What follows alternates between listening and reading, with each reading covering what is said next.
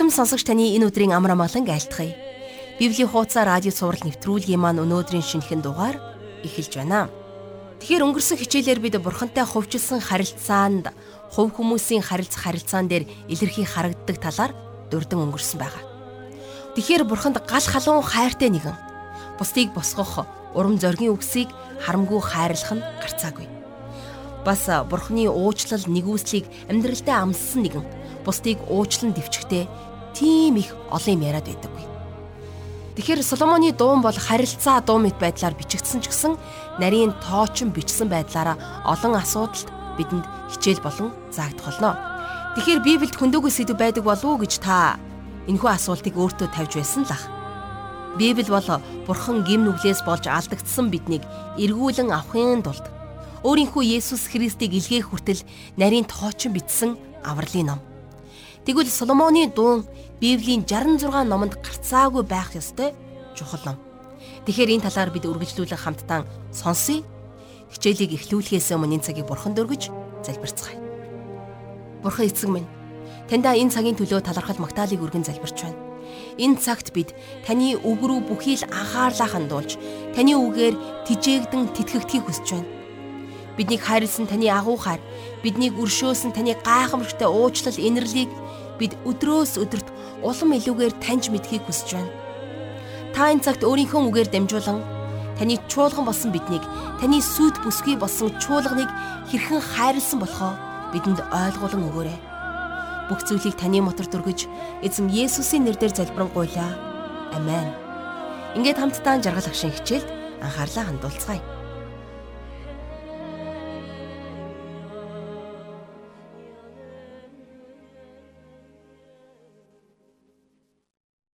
За өнөөдрөөс эхлээд э, та бид хамтдаа Соломоны дуун хэмээх хуучин гэрээний нэгэн гайхамшигтай номыг хамтран судлах гэж байгаадаа багш миний зүгээс их баяртай байна.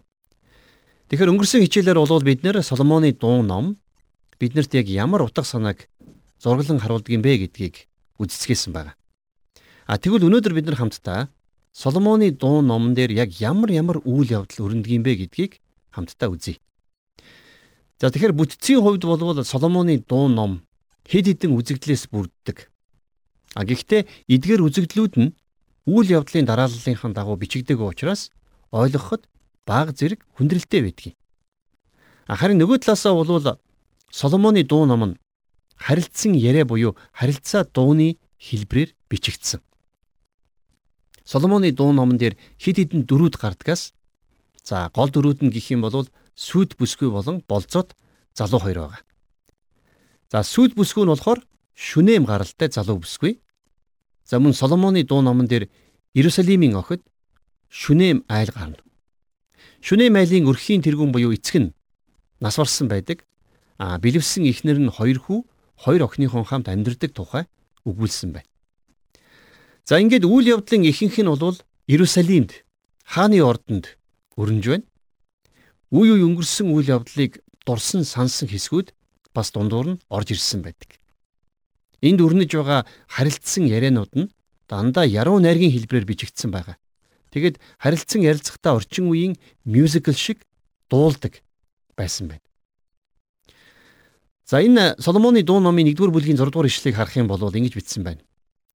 Бор зүснээс минь болж өөчилж ширтэх юм. Нарал намайг өөлж ширтчихсэн юм. Уурлаж хилэгнээд ихийн минь хөвгүүд усан үзмийн талбайн арчлагч болгочихсон юм намайг. Ам хувийн талбайгаа арчлалгүй ийм болчихсон юм би гэж хэлсэн байна. Тэгэхээр ядуу шүнэ майлын энэ охин нэг ёсондоо тэр айлын үнсгэлж н охин байсан байна тийм ээ. Тэр охин усан үзмийн талбайд ажилласаар байгаад наранд борлож түлэгдсэн байна. За Библийн судлаачид энэ охины гэрийг Ифраимийн уулархаг нутагт байсан болов уу гэж таамагладаг. Тэд нэр түрээсийн тариаланчид байсан.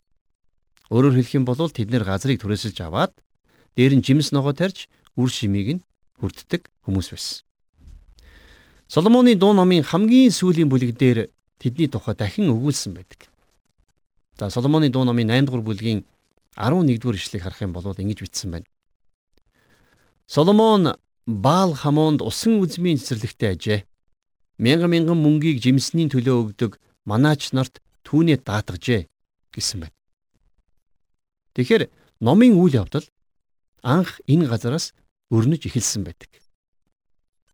Наранд борлсон өнөөх шүнэм охин усан үзмийн цэцэрлэгээ арчилдаг байсан. Тэр охин өөрийнхөө борлсон арснаас их ичдэг байж. За тухайн үеийнхэр бодох юм бол наранд борлоно гэдэг нь маш ажилч хичээнгүй охин байна гэсэн үг. Харин язгууртан ч юм уу баян чинэлэг айлын охид арьсаа хамгаалахын тулд халуун наранд гэрээсээ ч гардггүй байсан.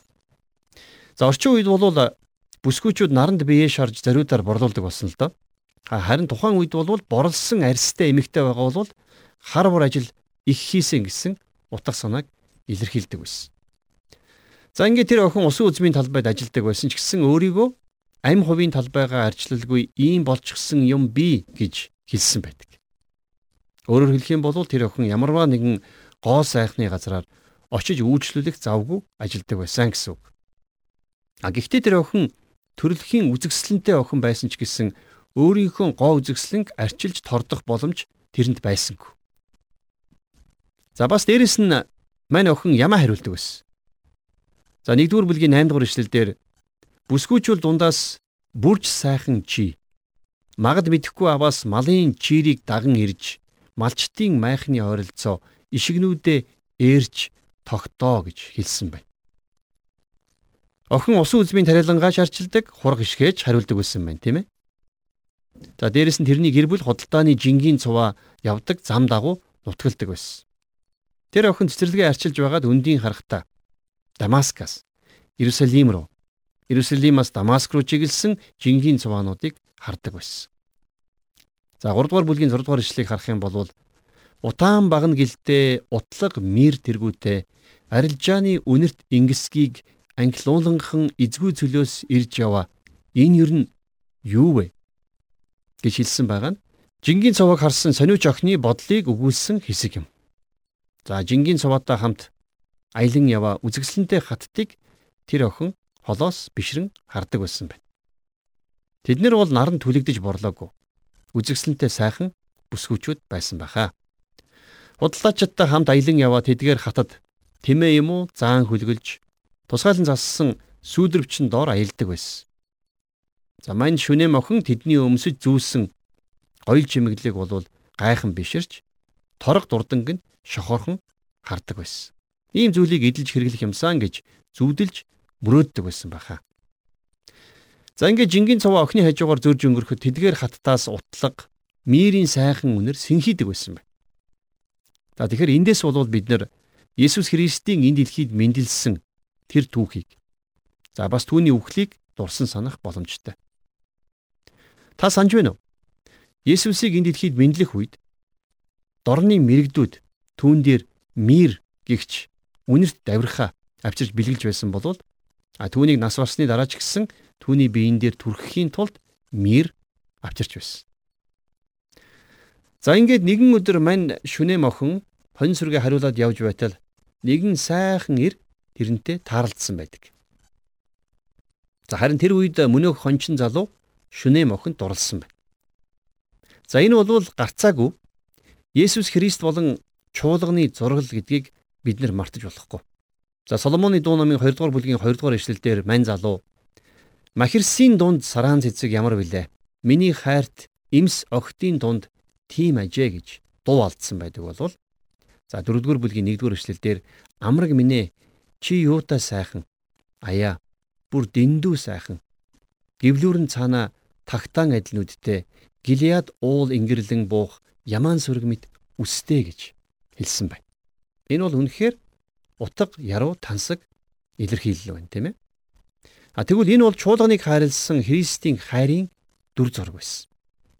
Христ чуулганыг хайрлсан учраас өөрийнхөө амийг чуулганы төлөө өгсөн. За тэгвэл хариуд нь шүнэм охинч гэсэн бас хончин залууд дурлсан байна. 2 дугаар бүлгийн 3 дугаар ишлэлдэр ой модон дунд алимын мод хэр вүлээ. Олон хөвгүүн дунд амраг чимийн тэр вүлээ. Сүүдэр дорн би суумаар таатай. Жимсэн тагнаад минь жигтэйхэн амттай гэж хэлсэн байна. За ингээд сүд бүсгүй болох шүнэ мохныг хончин залуу хайр гэсэн үгээр дуудсан байдаг болвол хариуд нь шүнэм охин хончин залууг хайрт гэсэн үгээр дуудсан байна. За зүйрлүүлж хэлэх юм бол орчин үед сэтгэлтэй хосоод бие биенээ хайраа хайртай гэж дуудагттай яг адилхан байна тийм ээ. Матай 11-р бүлгийн 28 дугаар ишлэлдэр Есүс Христ биднийг өөрлөгөө дуудсан байдаг. За юу гэж хэлсэн байдаг вүлээ? Тийм ээ. Зүдэж зүтгэгсэд хийгээд хүнд ачаа үүрсэн бүгдээ над дээр ир.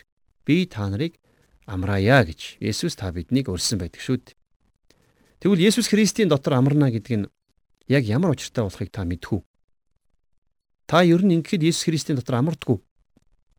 Есүстэй харилцах харилцаа бол үнэхээр гайхамшигтай харилцаа. Би энд ямар нэгэн чуулган эсвэл урсгал чиглэл эсвэл Христч байгуулгын талаар ердөөсөө яриаггүй.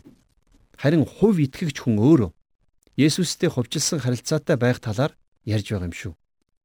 Энэ харилцаа бол яахын аргагүй хайрын харилцаа. За ингээд шүнээ мохин хончин залуу хоёр бие биендээ ухаангууд орлсон.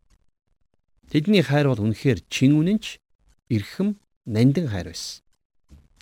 За 2 дугаар бүлгийн 16 дугаар ишлээс харах юм бол хайрт минь минийх харин би түүнийх гэж хэлсэн байдаг. Сайхан байгааз. Тэр хоёр үнэхээр гайхамшигтай дотн харилцаатай байсан. Тэр хончин залуу тэр нутгаар дайрч явахдаа шүнээ мохинтой танилцсан байсан. 2 дугаар бүлгийн 4 дугаар ишлэлийг харах юм бол дарст цэнгэлийн өргөөнөө дагуулв тэр намайга дарцэг болсон хайраараа даруулв бас намайга гэж шүнээ мохин хэлсэн байна. За орчин үеийнхэр бол тэд хамтдаа нэгэн тансаг ресторанд оройн хоол идсэн байна. Тэр хончин залуу нилээд баян чинэлэг.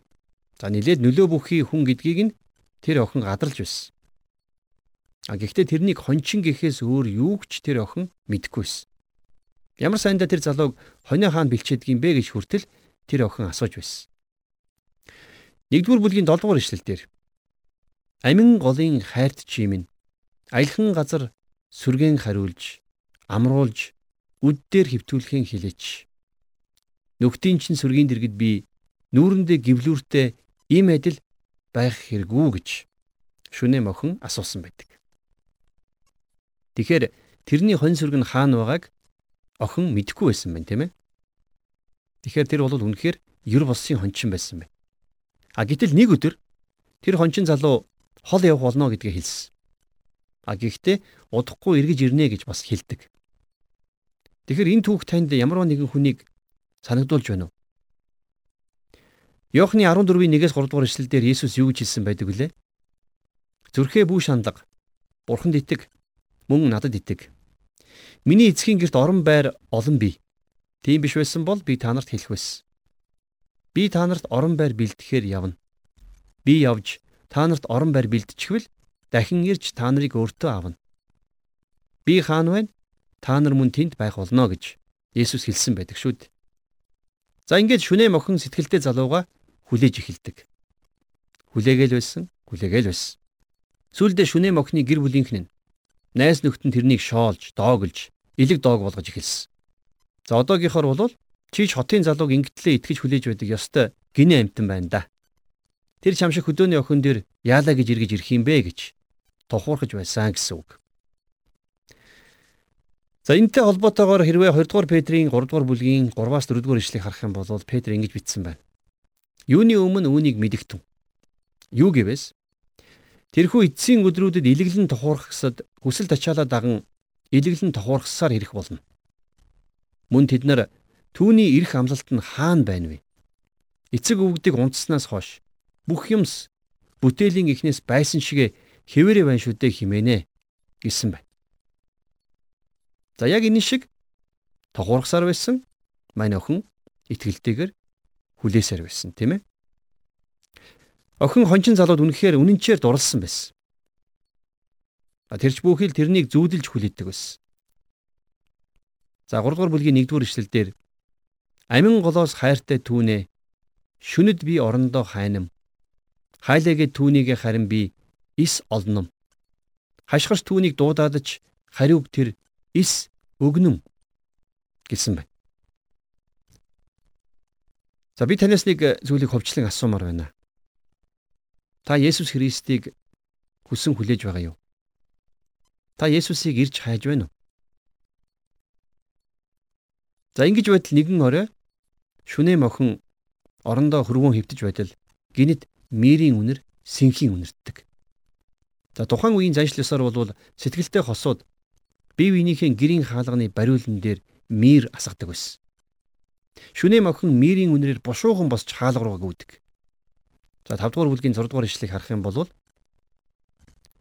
Амрагтаа нээж өгөхөөр өндийв. Алга гар минь мирээр туслав.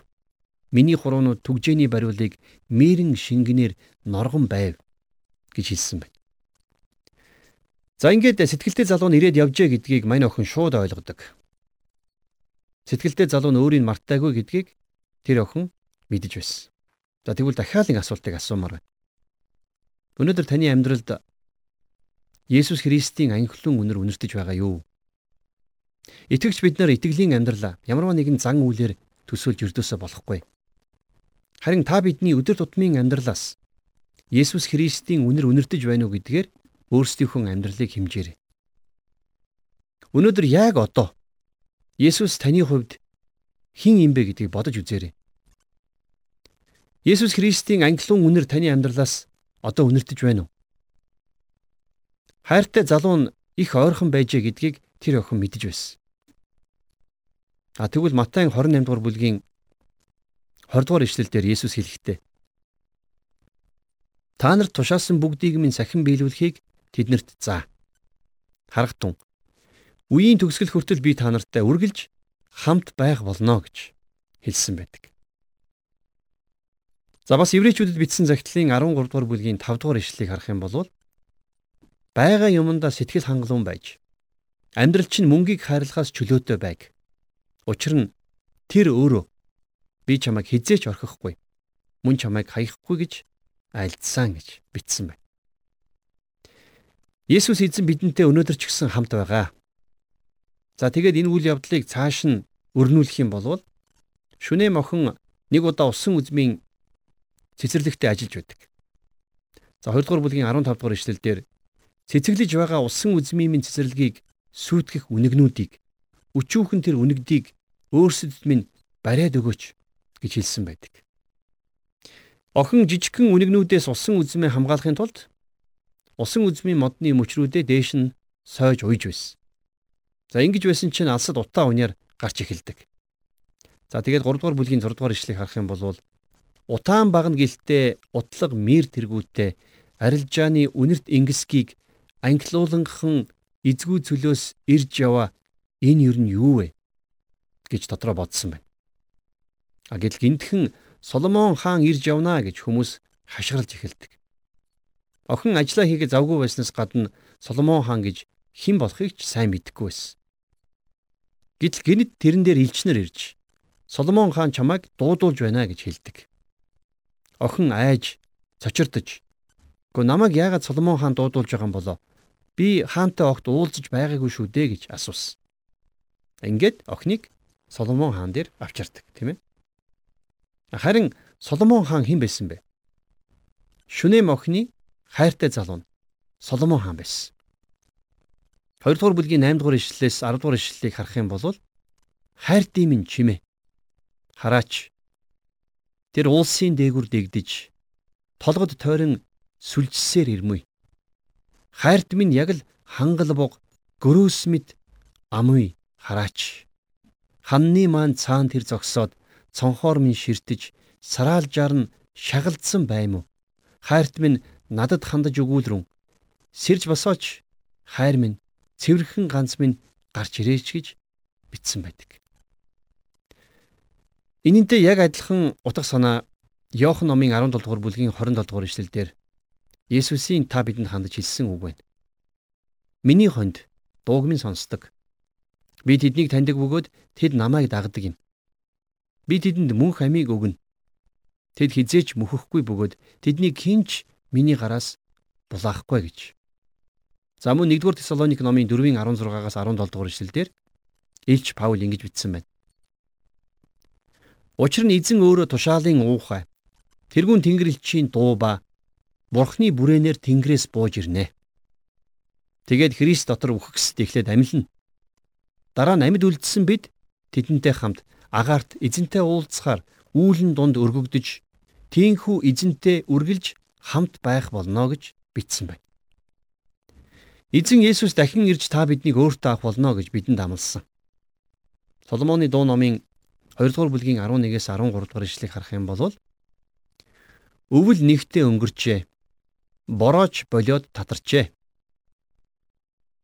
Дэлхийд цэцэгс дэлгэрээд жиргэн дуйлаан жигдрээд хүүрзэгний дуу нутагт маан дуулдаад инжир мод жимслээд усан үзэм цэцэглээд сингэнэм үнэр анкилж байна сэрж босооч хайр минь гэж бичсэн байдаг.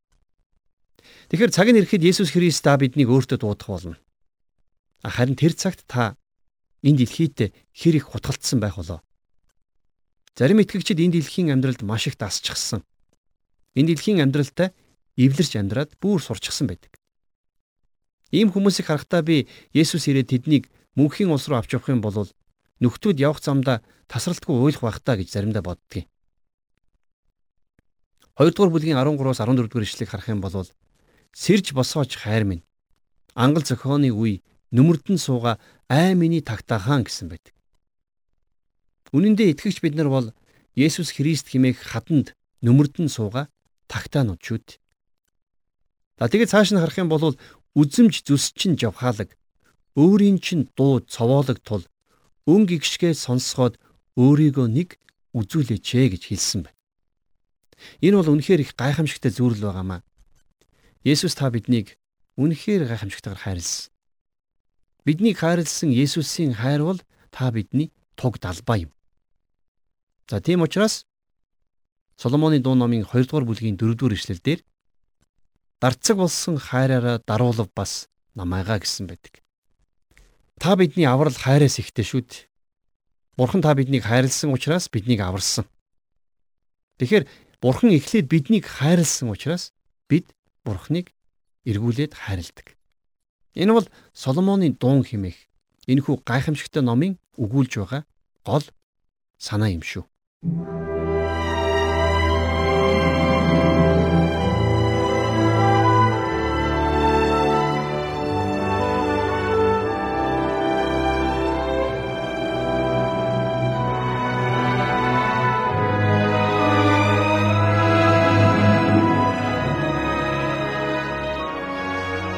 Тэгэхээр бид хамтдаа Соломоны дуу номын эхлэл хэсгийг мөн энэхүү ном хэрхэн бичигдсэн түүний товч тайлбарыг бид хамтдаа сонсон суралцлаа.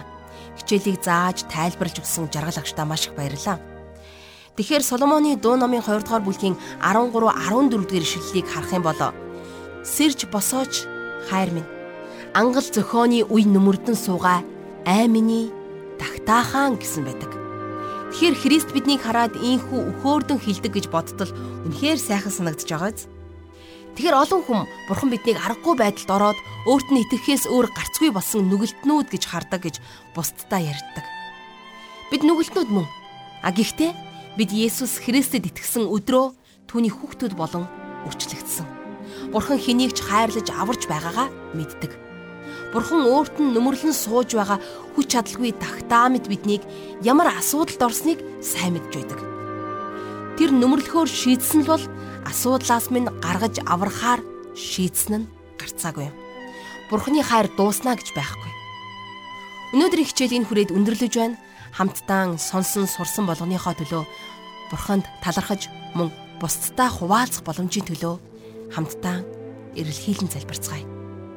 Бурхан Аава таньдаа өнөөдрийн хичээлийн төлөө талархал өргөн залбирч байна. Биднийг хайрлсан таны агуу хайр, биднийг уучлсан таны гайхамшигт ивэл нэгүслийн төлөө таньдаа алдар магтаалыг өргөе. Үнэхээр бид таны агуу хайрын тэр туг далбаанд ор тантай хамт амьдрахыг хүсэж байна. Та биднийг хайрлсан агуу хайраа бидэнд улам илүүгээр ойлгуулан ухааруулаарай. Их эзэн минь, тиймээ бид хүчгүй сул дорой тагтаа мэд. Аваа бид үнэхээр ангал зохионы үе нүмердэн суугаа Тиймээс их эзэн минь бидний алдаа дутагдгийг биднийг ямар асуудал нүмерэн байгааг та мэднэ.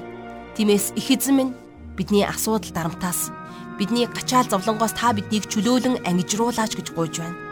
Их эзэн минь бусдад энэхүү хичээлийн талаар, энэхүү радио үйлчлийн талаар хуваалцах, заах боломжийг та бидний өмнө дүүрэн болгож өгөөрэй.